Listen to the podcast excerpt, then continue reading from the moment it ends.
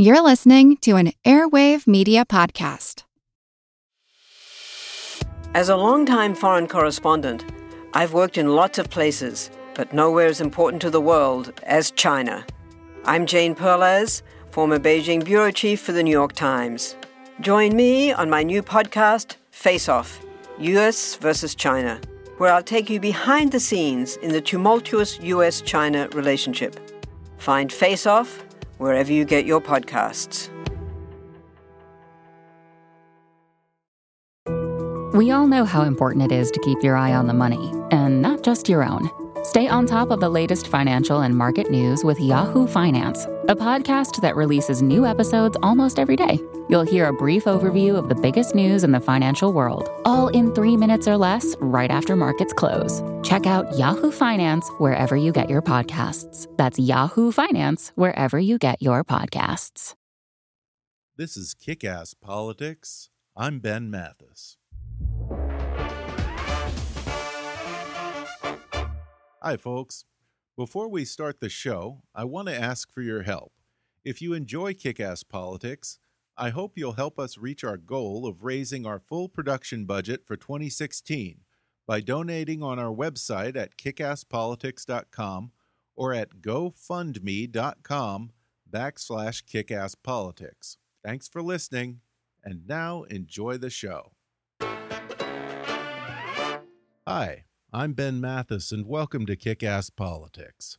My guest today is two time Pulitzer Prize winning conservative political cartoonist Michael Ramirez.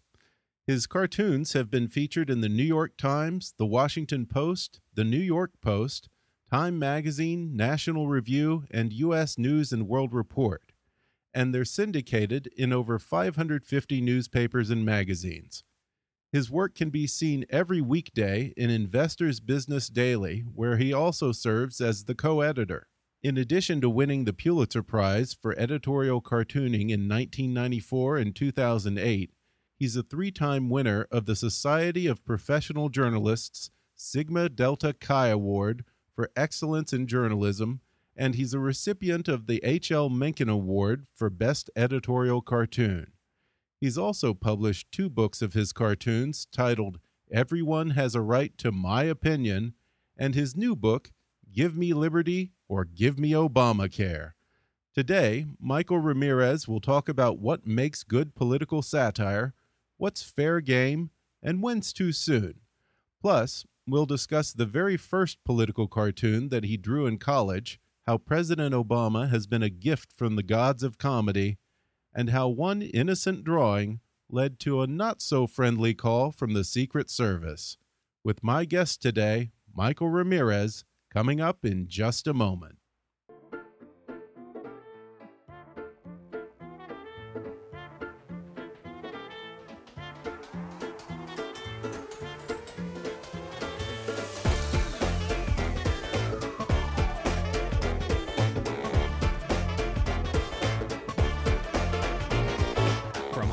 To Washington, it's time for Kick Ass Politics. And now here's your host, Ben Mathis. Today I'm recording from the Ronald Reagan Presidential Library, and I'm joined by two time Pulitzer Prize winning political cartoonist Michael Ramirez. Michael, thanks for coming on the podcast. It's my pleasure. Well, Michael, you recently released a new book of cartoons called Give Me Liberty or Give Me Obamacare. That is something like 272 pages, I think, of cartoons lampooning President Obama and the Obama years in Washington. When he took office, did you ever think that you'd be able to get that much mileage out of Barack Obama? Well, you know, like all elections, uh, you get sort of a a a insight into who these people are if you look carefully into their backgrounds. And I think Barack Obama really revealed through the history of his writing, um, his participation in the uh, Chicago legislature, you got a real feeling of who he really was. And, you know, I don't think he was really trying to hide that fact, you know, even though he ran as kind of a centrist. And so it was pretty clear to me from the very beginning when he was running that he was going to turn out to be the kind of progressive president that we all feared.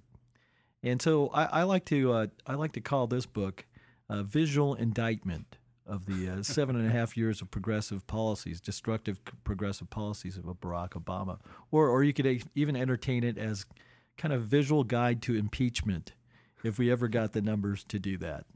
Yeah, and you know I love the cover of it, uh, and this is one of my favorites. I think you have uh, this donkey in a suit meant to be the Democrat Party and he his feet are uh, in cement like a mafia style hit and he's sinking to the bottom of the ocean and the the cement vat is labeled Obamacare yeah. and we all saw that in the midterm elections it's, right it was exactly and, and what this today, cartoon depicts you know Obamacare remains uh, hugely unpopular I think by 60% of the population you know, part of it is because the promises that were made. Uh, you know, you can keep your doctor; it'll be twenty five hundred dollars less.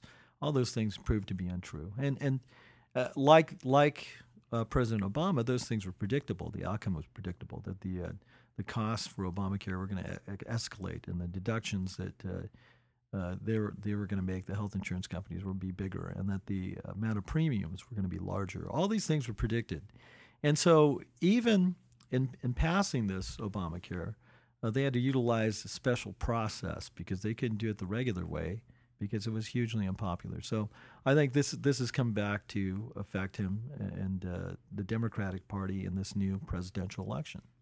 Yeah, and in the introduction to the book, you say the Obama presidency is the Peter principle taken to its worst extreme. I'm paraphrasing, right. but uh, what do you mean by that?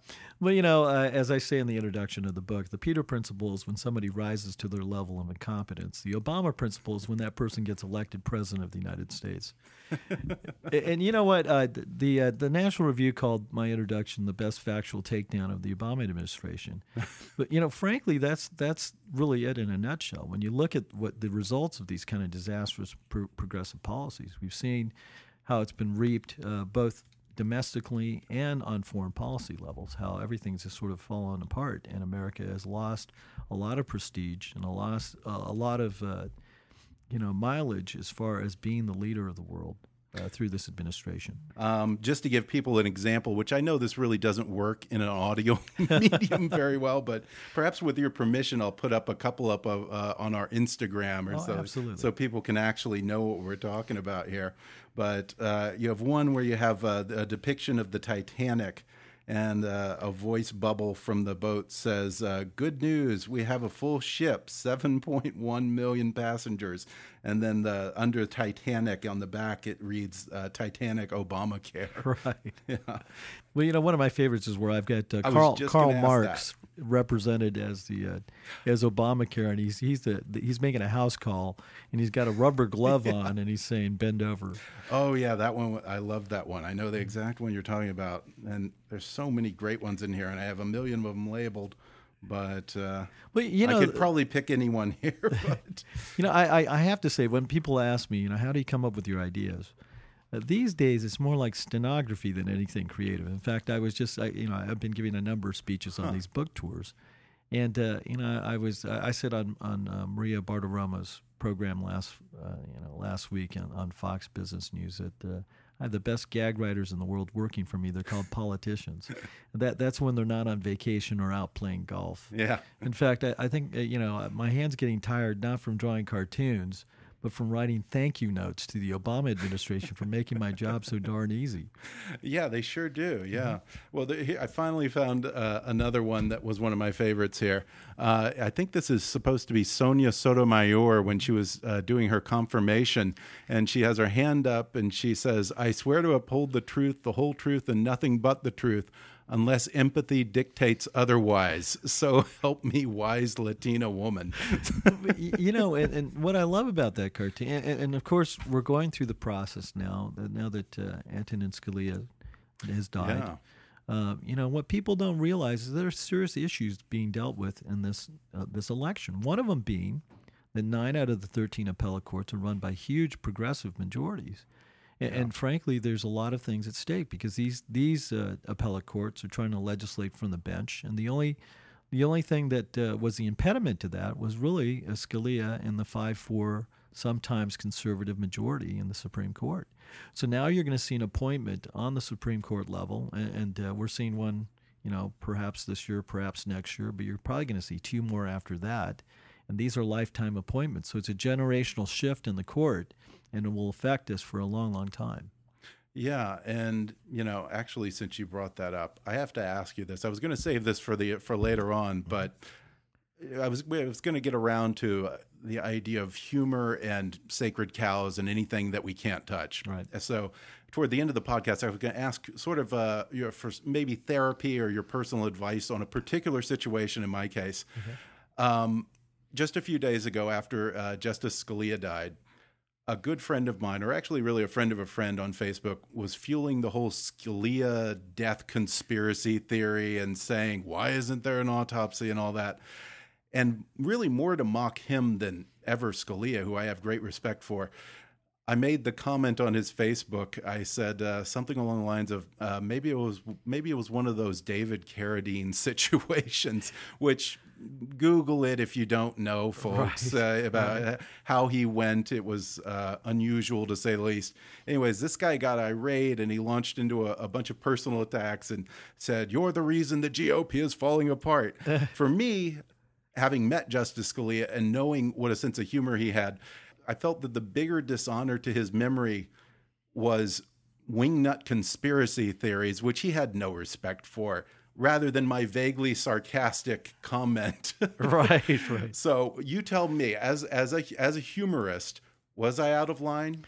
Did I cross a line? Well, no. I mean, I, in fact, Scalia. Because I did... will apologize if uh, to this person if well, you tell you know, me that I crossed it, the line. It's an obvious joke, and I think Scalia, uh, you know, was a master at these very clever jokes, and and uh, he probably might have made a retort about Ginsburg and holding a mirror underneath her nose to make sure that uh, she hasn't found the same fate. Oh, that's right. Uh, you know, one thing I'll, I'll say about uh, political cartooning is, you know, we don't do cartoons you know, controversial cartoons for the sake of controversy. We don't do humorous cartoons for the sake of humor. I mean, there's a real point to what we do, and I'm, I'm a big believer in editorial cartooning as journalism. So, you know, as far as boundaries go and limitations, only where the, the controversy itself might overshadow the point I'm trying to make. Because, you know, political huh. cartoons are constructed in the same way that sort of television advertising is. And like the, the Super Bowl, you have five seconds to capture the reader's attention, and then another five seconds to really deliver the message that you want to deliver. So. Yeah those those are the important parts elements of the of the cartoon. In fact, the most important element being the message itself. And if you use humor and it uh, and it overshadows the point that you're making, then uh, you lose the device. Yeah, that's true. But uh, well, then I'm curious. Do you have any sacred cows, as issue wise or situationally? Are there any sacred cows that you, as a cartoonist, will not touch? Absolutely not. I'm inherently evil. I will go where no man has gone before. In fact, you know what's funny about this whole Trump Trump phenomenon? There, everybody's so happy that there's a, a vocal person out there that's blunt and, and obnoxious. I've been blunt and obnoxious for the last 32 years of my career. the only thing that I won't do, though, I won't cross the line that overshadows the, the point that I'm trying to make. For instance, yeah. one, one of the the uh, the examples that I'll give in tonight's speech here at the Reagan Library is uh, I'll talk about Johnnie Cochran. There was an idea that instantly came to me when Johnnie Cochran died. You know, of course, Johnnie got O.J. Simpson off on a murder charge. Um, and so the, the first idea that came to mind was uh, Cochran at the gates of, of heaven. And St. Peter was saying to, to Johnnie, I'm sorry, Johnnie, if the halo don't fit, we don't admit. An obvious cartoon, uh, you know, perfectly legitimate because yeah. it really defined a lawyer who got a murderer off on this charge. But when I did research on Johnnie Cochran and, and found out who he was, I mean, everybody sees him encapsulated in that one issue. But when you look at his, his career, he was very generous in many ways, and he, he was very uh, proactive in charitable causes. And I felt it was it was not fair to define him by one thing.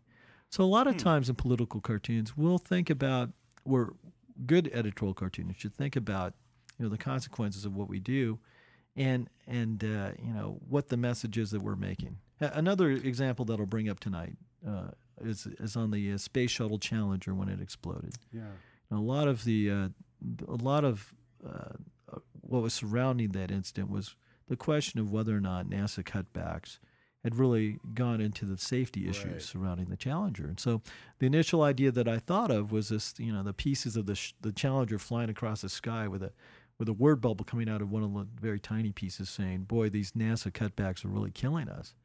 But then again, seven American heroes had Yeah. died. And was that a fair depiction, or would the controversy surrounding that image really uh, take away from the message that I was trying to, to, to convey? So that's where it comes down to, really. Do you have a formula for when is too soon?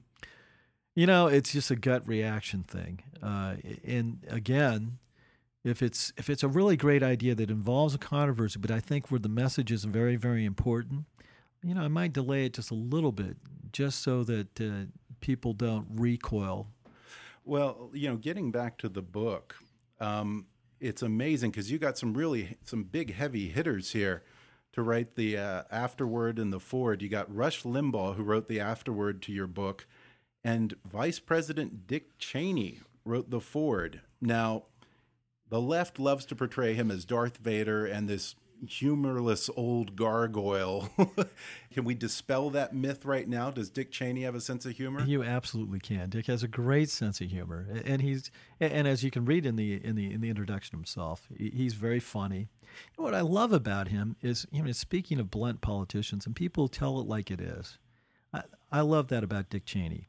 I mean, he he will tell you directly to your face exactly what he thinks, and uh, he's got a great sense of humor, and he and he's a he's a wise man. I'm very proud to be his friend. And and uh, you know, Rush and I have been friends for a long time. Um, in fact, uh, I uh, Paul Shanklin, who does the impersonations on the Rush Limbaugh show, Oh. is a very good friend of mine, and I discovered him really? in Memphis, Tennessee, and I'm the reason why Paul is actually on Rush's show. Oh, that's funny. How, how long have you known Rush? Well, you know, I, I I've known him through that relationship uh, since let me see, when did I start at the commercial appeal? Probably '94. So 90, Okay. 95, I think, is when when uh, that relationship started. Okay, he's a funny guy. He's a He- guy who loves to laugh, isn't he? He is a he's a he's a great intellect and he's got a great sense of humor and I think that's what really the departure between Rush Limbaugh and everybody else is. I mean, what he's done for the conservative movement has just been enormous and I think a large part of that is this great sense of humor that Yeah. that uh, accompanies this uh, you know the brilliant uh, concise messages that he has. Yeah, he is a great anecdote for that element within the party that takes itself a little too seriously. Because you do have you have a lot of hosts and you have a lot of outrage, kind of thrown willy nilly, and a lot of times I, I feel bad for him because sometimes I feel that people who are listening don't get when he's being sarcastic and Right. they can't see the wink that he's giving as he's saying something. Absolutely, and you, and you know what? Humor is a very, very powerful, potent weapon if you, you use it the right Yeah. way. And I think it it also has the ability to, to reach a much larger audience with your message. And it kind of it, it can be disarming to those people that are you know completely opposed to you. So Yeah. you know I, I utilize humor in my cartoons because I think it, it'll it'll have a bigger impact. Yeah. Well, somewhere I read that you originally planned to study medicine when you were in college, but you drew a political cartoon for the college newspaper when you were at UC Irvine. And that's how this lifelong obsession with poking fun at the powers that be began. What was that very first political cartoon? Well, you know, the very the very first political cartoon was on the student election at the uh, at UCI, and uh, none of the candidates that were running had a platform, a legitimate reason to run. So I basically made fun of all of them. now, I, I never envisioned being a political cartoonist. I never thought about it. In fact, I- I've got some of my brothers and sisters here at the at the library visiting, um, and they're all doctors. I'm the only one who's not a doctor in the family. I'm the black sheep. And in fact, the only way that I good black sheep to be. well, the only way I can attend the family reunion is, uh, you know, I tell people, well, you know, I deal with politicians, so I'm sort of like a proctologist, and then they just let me in the family reunion. But uh, and I, you know, I was thinking about this the other day that uh, you know Barack Obama basically won a Nobel Peace Prize for doing absolutely nothing. I wanted to be a cardiovascular surgeon. I should get a Nobel Peace Prize for all the lives I saved by becoming a journalist instead. you know, what was the reaction to that first cartoon back when you're in college? Was that well received by the student body and the faculty, or no? Well, in my eyes, it was well received. In their eyes, it was three days worth of protests. Actually. Oh, you're kidding me? No, you know, and, and that's really what uh, cinched it for me. I mean, at least began my career. You know, I'd been writing. Uh, I'd been writing for the newspaper, and it didn't have nearly the impact that this one image did. Huh. And, uh, you know, I was a triple major: biological sciences, fine arts, studio painting, and art history. And the only reason why I was taking the latter two was to get into medical school. And uh, you know, I didn't realize the power of the image, yeah. and I think that really that that that uh, piqued my interest. It wasn't until my junior year in college where we had an incident. Uh, the, a local newspaper, the Newport Ensign, picked me up right away and in between organic chemistry and bio 101, I was, uh, you know, whipping out cartoons in 30 minutes and getting $50. And really, there was an incident where this guy um, got pulled over in, in Newport Beach, arrested for drunk driving. Uh, didn't they didn't allow him a phone call? He turned out to be a, a Newport a city councilman, I think, that didn't drink. so I drew this cartoon where I had this guy hogtied on the hood of a police car and he had his shoe wedged in his mouth, and the arresting officer was explaining to the uh, his, his sergeant I was merely reinforcing his constitutional right to remain silent. and the police chief was so mad that he came down to the office and he yelled at the publisher and he yelled at the editor. And then uh, he tried to find out where I lived. And suddenly it dawned on me like, you know, what a profound impact these drawings have. And I think that was the minute I fell in love with the art form. Yeah, well, that's a little scary to have you know the police chief you looking for your ad, for your address. Have you ever had any close calls like that where you were a little bit afraid that you well, might there might be some kind of more than just a little bit of blowback to one of your pieces? You know, I have been investigated by the Secret Service. You know, that's right. Let's yo let let's talk about that. And story. I, I, I you know, I get the most wonderful hate mail. I mean, I, I've actually had hate mail where people have taken the time and cut out letters and you know pasted it to uh, to pieces of paper. And so, oh we, my God, that's not just in the movies that people no, do no, no, no. In fact, some of this, you know, if it gets too bad, you have to for, actually forward it to the police just in case something happens. Yeah. But, uh, I didn't think anyone know, still do, did you know, that. I, we have printers now. I, I, told, I told my mom to stop writing me at the papers, and so it stopped. But, uh, well, yeah, let's talk about that one incident that you that you just referenced a moment ago. In July 2003, you published a cartoon showing a man pointing a gun at President Bush's head in what was, for most people, I think, clearly a spoof of that famous photo of the Vietnamese general executing a Viet Cong prisoner. That situation escalated in a way you probably weren't expecting. What happened there? Well, you know what? It, it actually materialized, I think, because of the Drudge Report. Uh, you know, the banner uh, headline on the Drudge Report that said, huh. uh, conservative cartoonists investigated by the uh, Secret Service. and in fact, uh, you, you, know, I, I, I knew the the morning crew, uh, which is a very popular uh, group of guys in the radio station in Memphis, Tennessee. And the first I heard of it was they called me, uh, you know, at I think it was five o'clock Pacific time because you know it was seven o'clock their time and they're joking about how I was being investi- investigated by the Secret Service, and I, I had no clue what they were talking about. So I sort of went along with it. By the time I got into the to my office at the LA Times, we had already, I think they they added like three operators to handle all the phone calls from the controversy surrounding this cartoon, and, and the story, and and uh, you know we're we're getting calls from all the major networks about this, and and so I was handling all these calls, and then I got this one phone call out of the blue that said, uh, you know, are you Michael Ramirez? And I said, yes. And he goes, well, I need to speak with you. And I said, well, you're going to have to get in line. And he said, well, I'm with the Secret Service. And I said, well, how do I know you're with the Secret Service? And he said, well, I've got dark sunglasses, a dark suit, and a badge.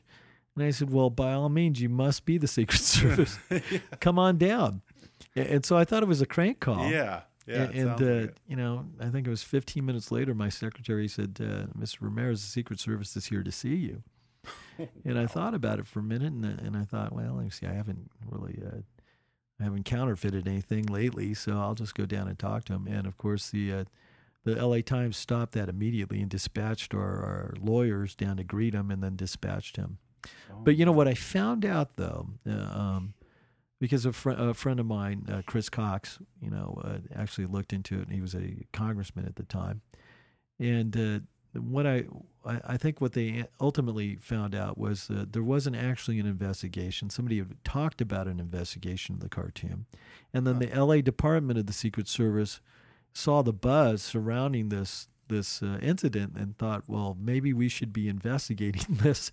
And so they sent somebody to find out what was going Oh, on. So okay, so it didn't come from the top then. I don't, uh, you know, they never revealed a, a, a you know a chain of command directive on it.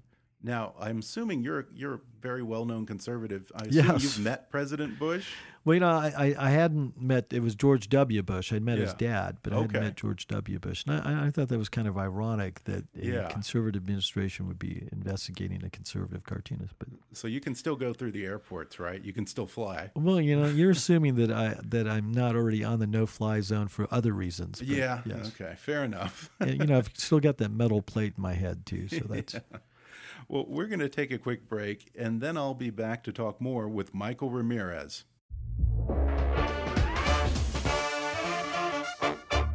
Folks, do you like to read but you don't have the time? Give audiobooks a try. All those times you spend listening to this podcast, you can also be listening to a great book. You can play it on your drive to work, on a run, in the bathtub, while cooking, or just sitting and enjoying one of those rare stolen moments. And right now, you can download any audiobook you want for free with a special promotion for our listeners from audible.com. Just go to audibletrial.com backslash kickasspolitics for a free 30-day trial and a free download of any of Audible's 180,000 titles for your iPhone, Android, Kindle, iPad, or MP3 player. That's audibletrial.com backslash kickasspolitics. Or click on the sponsor link on our webpage to download the free audiobook of your choice. And now, back to the show. We're back, and I'm talking with two time Pulitzer Prize winning political cartoonist Michael Ramirez. Michael, let's talk about your process. When you're watching the news or when you're looking at the headlines, looking at the day's current events, is there any particular criteria or angle that you're looking for? Well, you know, in my uh, current position with Investors Business Daily, which is the greatest editorial page in the entire world, um, you know, I co-manage the editorial page at IBD. So, um, in my capacity as a co-manager of the editorial page, I'm looking at all relevant news events um, in preparation for the editorial meetings from eight to ten, and and so the only thing, the only drawback about doing political cartoons is you only have one window of opportunity to explain sometimes very complex issues. Mm-hmm. So you have to be aware of what the, the viewing public knows. I mean, you can't really pull out an issue out of nowhere because they won't understand the concept that you're trying to convey. So I do, you know, I I, I read all the popular websites. All you know, I read four papers a day. Some people say that the truth lies somewhere between the New York Online Times. or physical papers? I, you know, I, I take two physical newspapers and I read the rest online. But you know, I, okay. I think of the Wall Street Journal, the New York Times, the L.A. Times, and IBD, of course. Um, IBD being the best. IBD is the best. IBD You're not biased at all. No, no. I, I'm a free market capitalist pig. Can you, can you tell? Investors.com slash cartoons. But, uh, anyways, um, and and so what I'll do is I'll watch television at every half hour point, and that really Huh. is what most of the people are seeing or getting as their news resource. Now, I'll just use that as sort of a, a jumping off point, but there's usually items and issues that I'm thinking about all the time. And, and you know, the question is timing, the logistics of whether it is a current uh, news event Yeah. or you know these things only have a, a, shelf life of maybe 48 hours in this Yeah. in this 24/7 news cycle. And so, yeah, I I I don't look out for any particular issues, just the ones that I think that are going to have huge, serious consequences uh, for the people. Huh. And that's interesting that you you try to hit every half hour point. Mm-hmm. I guess is that part of it that you you want to make sure that people get the joke. You Right. want to have the you want to make sure that the issue is broad enough and well known enough Right. that it actually hits its target with folks. Well, it has to have a, a big enough profile so people understand what I'm talking about. Because you know, one thing you don't want to weigh a cartoon down with, with is with a lot of verbiage, because people don't want to read the cartoon; they want to visualize it. Huh. Um, most of your cartoons are intended to be humorous or satire. Every now and then you have these cartoons that kind of reminds me of sitcoms in the 70s and 80s how, you know, 15 out of 20 episodes would be typical sitcoms and funny. And then every now and then they would try and sneak in a serious one. You know, it would always end with the credits rolling with no music. Right. And so you do that every now and then. You slip in a very, you know, a cartoon that actually is poignant and really touches a different place with the reader. When you're looking at, at doing a cartoon, how do you know which issues you want to go serious with?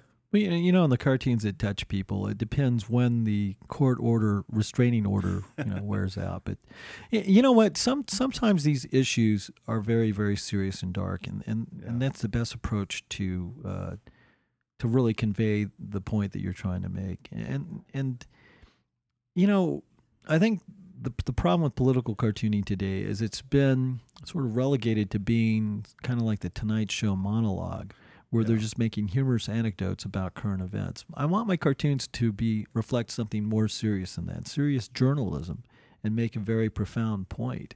And sometimes, you know, a dark image conveys that the best way. You know, of my uh, I never intended to be a political cartoonist, but when I grew up with, uh, you know, with my dad, we had a tradition of reading the newspaper every morning, and uh, you know, we we took the L.A. Times and the Orange County Register, and halfway through breakfast, we would swap papers.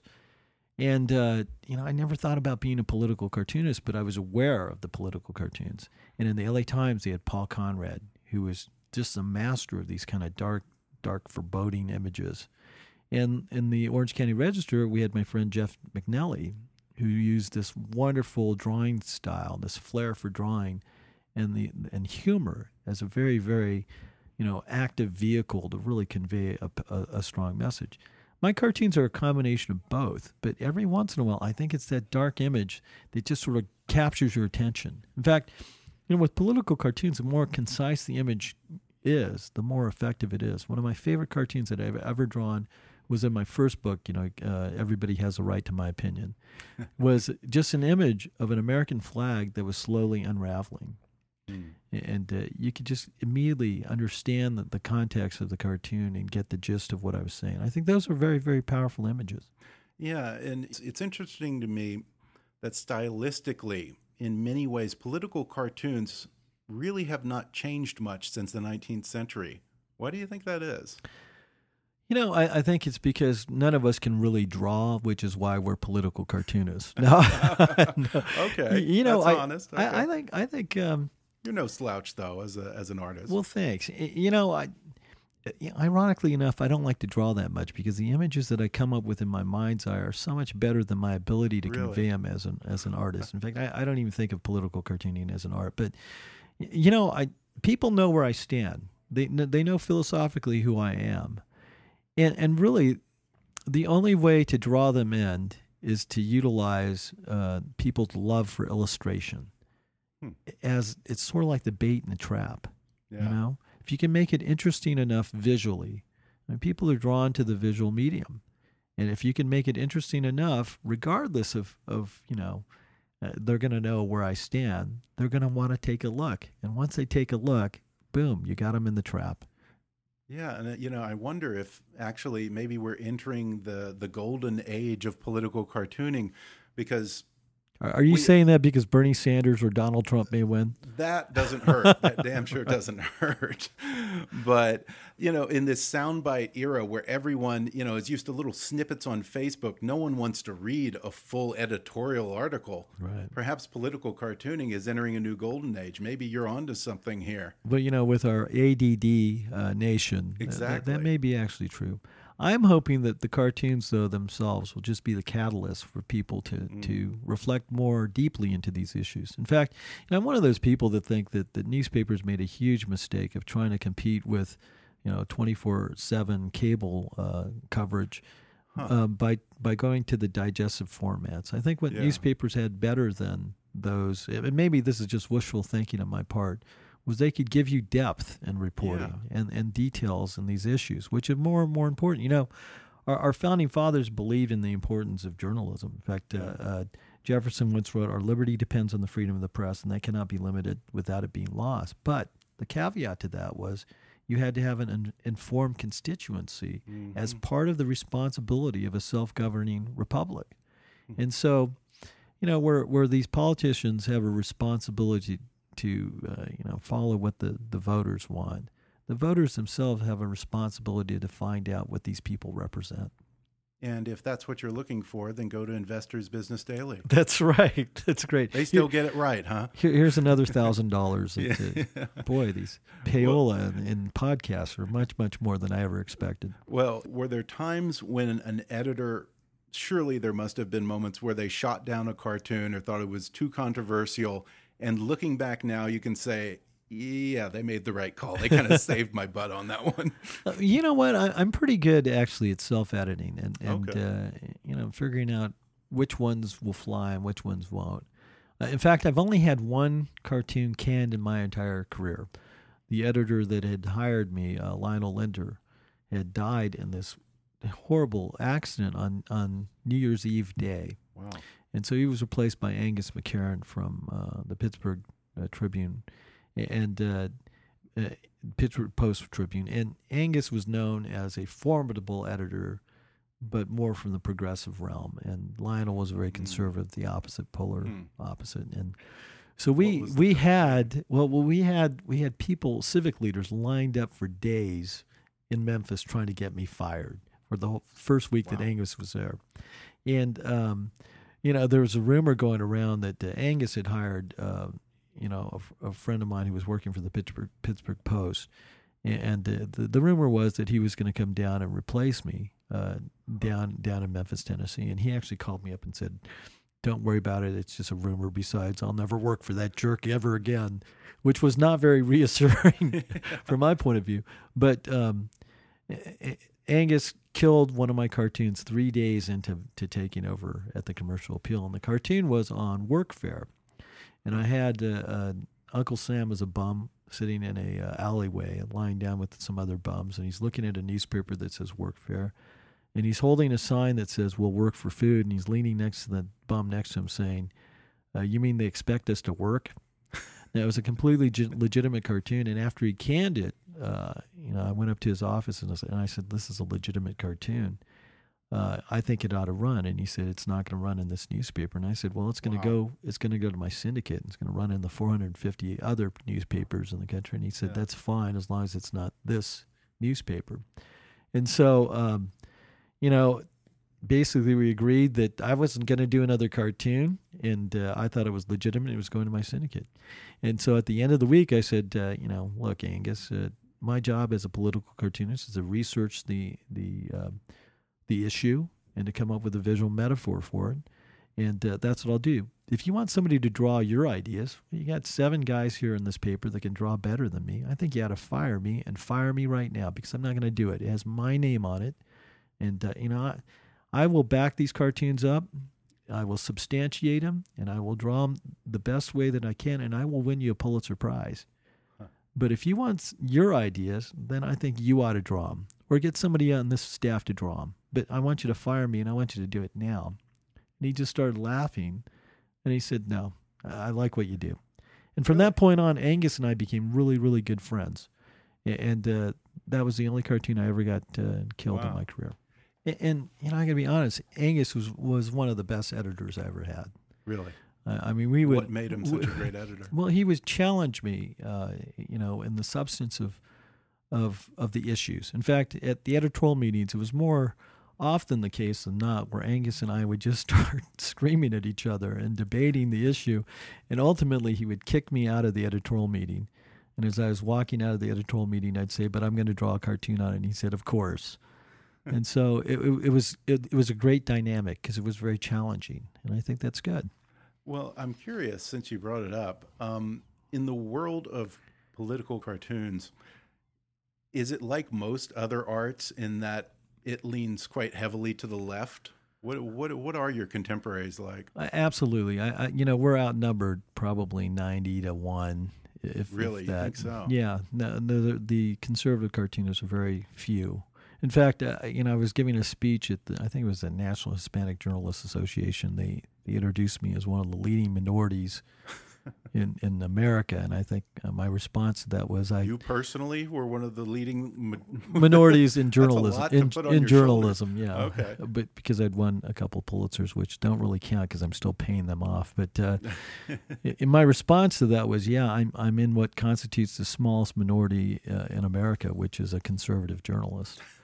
And i think that's true. I think that's Yeah. true throughout i mean as we've seen in surveys you know obviously and you can see it uh, through the kind of irresponsible coverage in the mainstream media where where you know it's funny i, I just thought of this idea but uh, I'm I'm going to probably do this cartoon at some point. But um, where Hillary was talking about, uh, you know, if we could just train a dog to bark when when it hears lies, because the images that immediately come to mind is her being treed up by you know a bunch of dog, a pack of dogs Yeah, barking at her. But but uh, I thought of this like idea where she's she's got this lap dog sleeping in her in her lap, and she's saying that, and the lapdog is labeled the media uh, you know they're there. We just need to train them to bark when they when they actually hear the lies. And there are plenty Yeah. of lies out there. Yeah. Um, well, do you have possibly, as cartoonists go, do you have a nemesis on the left or your equal? Uh, you know, I I don't even think about that. Uh, You Yeah. know, this is a very personal profession, and I'm really have thinking about. Newman like on Seinfeld or something. you know, it's probably just me. I think I challenge myself more than than Huh. anybody. But you know, I, I've got to. I have to say, I'm I'm really unaware of my competition. really? I don't look at other cartoons. I, you know, I don't even think about that in terms of, of that. You know, we all we all cover the same events. Mhm. Um, so at some point we'll probably you know have similar ideas and stuff. And so I, I don't even want to deal with it. So I don't even think about it. I mean, I have people whose work I do admire um, and have admired for a long time. But it's uh, you know I only get to see other cartoons when I'm produced on a page with other cartoons, and there are, there happen to be other cartoonists on the page.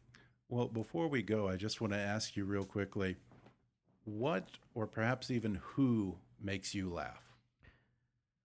Um, well, you know, everything makes me laugh. Actually, I, you know, I've got this Yeah. evil sense of humor where, um, where I can see the humor in every situation. And I, I have to tell you, in dealing with politics, if you don't have that ability, uh, it can be very, very tragic life. Um, and, and and let me go back to the question about my nemesis. You know, what my nemesis Did you is. think of someone? Yeah, well I, well, I thought of a group. My nemesis is politicians. Look, uh, Really? Not political correctness. no, no. Well, well, political correctness. I just, as you can see from this interview and from my cartoons, I just politely ignore it and have done so for for for a long time. But you know what? What seems to be lost because of, your, of these career political celebrities, we're lulled into thinking it is we who work for them, when in Mhm. fact it is they who work for us.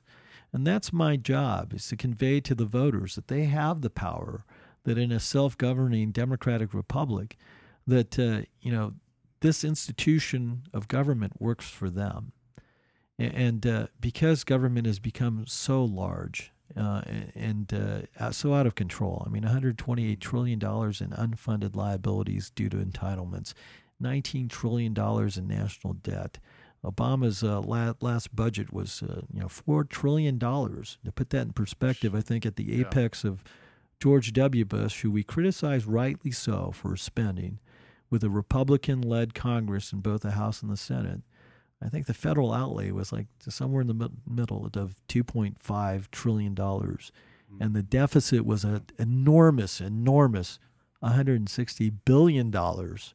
That was just nine years ago, and now you know the budget's four trillion dollars. With you're going to have a one trillion dollar deficit. It's crazy. Government's out of control. It's people who constitute the government. They're called politicians, and they're my nemesis. Does that mean you're a Trump man? No, it doesn't mean I'm a Trump man. I'm, you know, I'm. You I'm must be thankful for Trump, though. I mean, that's the Well, I- comedy gods are very generous this cycle. I think. I'm an equal opportunity offender, and, Yeah. and like everybody else, I'm frustrated with the government, and there are things that I like uh, that that uh, about what Trump is saying, but this is this, a very very serious time for America, and people need to look very carefully at these candidates, not in just what they're saying, but in what they've done and what they've said before. And I think you can define Trump by his history, and if you look carefully into his backgrounds, that'll define what what what he really truly represents. Now, Yeah. populist is is great, but you know, have to keep it in its context. A populist is a populist, and they're Yeah. saying what the people what's popular at the moment. Yeah. I want a strict constitutional constitutionalist. You know, um, somebody who has a foundation of knowledge based in the philosophy that formulated what is the most extraordinary experiment in, in history, which is America. Well, again, the book is called Give Me Liberty or Give Me Obamacare. And you can also see Michael Ramirez's cartoons in Investors Business Daily. Michael Ramirez, thank you so much for joining me. Well, thanks. And can I throw in subliminal messages like investors.com slash cartoons, on Twitter at Ramireztoons. Oh, absolutely. What was that voice? really Where did that very- come Yeah, that's yeah, disembodied voice. Right. I love it. Well, Michael, thanks so much for coming on the podcast. Well, thank you. I really enjoyed it, and I, I Really enjoy what you podcast. guys are doing. I mean, keep up the great work. Yeah, likewise. Right back at you. Absolutely. Thanks. Thanks again to Michael Ramirez for coming on the show. And I also want to thank the Ronald Reagan Presidential Library for hosting our interview. If you've never visited the Reagan Library in Simi Valley, California, it's a spectacular facility. And if you like Ronald Reagan, you have to go there at least once in your lifetime. So do yourself a favor and go check it out sometime. I'll include Amazon links in the show notes for this episode and on our website, where you can order Michael Ramirez's new book of cartoons called Give Me Liberty or Give Me Obamacare, as well as his previous book, Everyone Has a Right to My Opinion. You can follow him on Twitter at, at Ramirez Tunes. That's R A M I R E Z T O O N S. And you can view his regular cartoons for Investors Business Daily at ibdeditorials.com backslash cartoons. Don't forget to subscribe to Kickass Politics on iTunes, and while you're there, leave us a review. I'd also appreciate it if you went on our site and filled out a brief audience survey. And please recommend Kickass Politics to your friends on social media. And if you really want to help us out, then donate to our GoFundMe campaign at gofundme.com backslash kickasspolitics. Or go to our website and click the donate button. Follow us on Twitter at, at KAPolitics or visit Kickass Politics on Facebook. And as always, I welcome your comments and suggestions at comments at kickasspolitics.com. On the next podcast, I'll talk with the only man who's ever been director of both the CIA and the NSA, four star General Michael Hayden. General Hayden and I will have a very candid talk about intelligence failures on 9 11 and what he did as NSA director and later as director of the CIA to close those intelligence gaps. We'll discuss the conundrum of domestic surveillance, CIA black sites, and enhanced interrogation.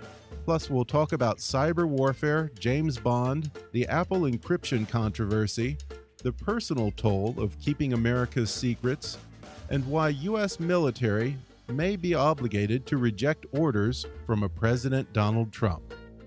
Coming up with General Michael Hayden in the next podcast. But for now, I'm Ben Mathis, and thanks for listening to Kick Ass Politics.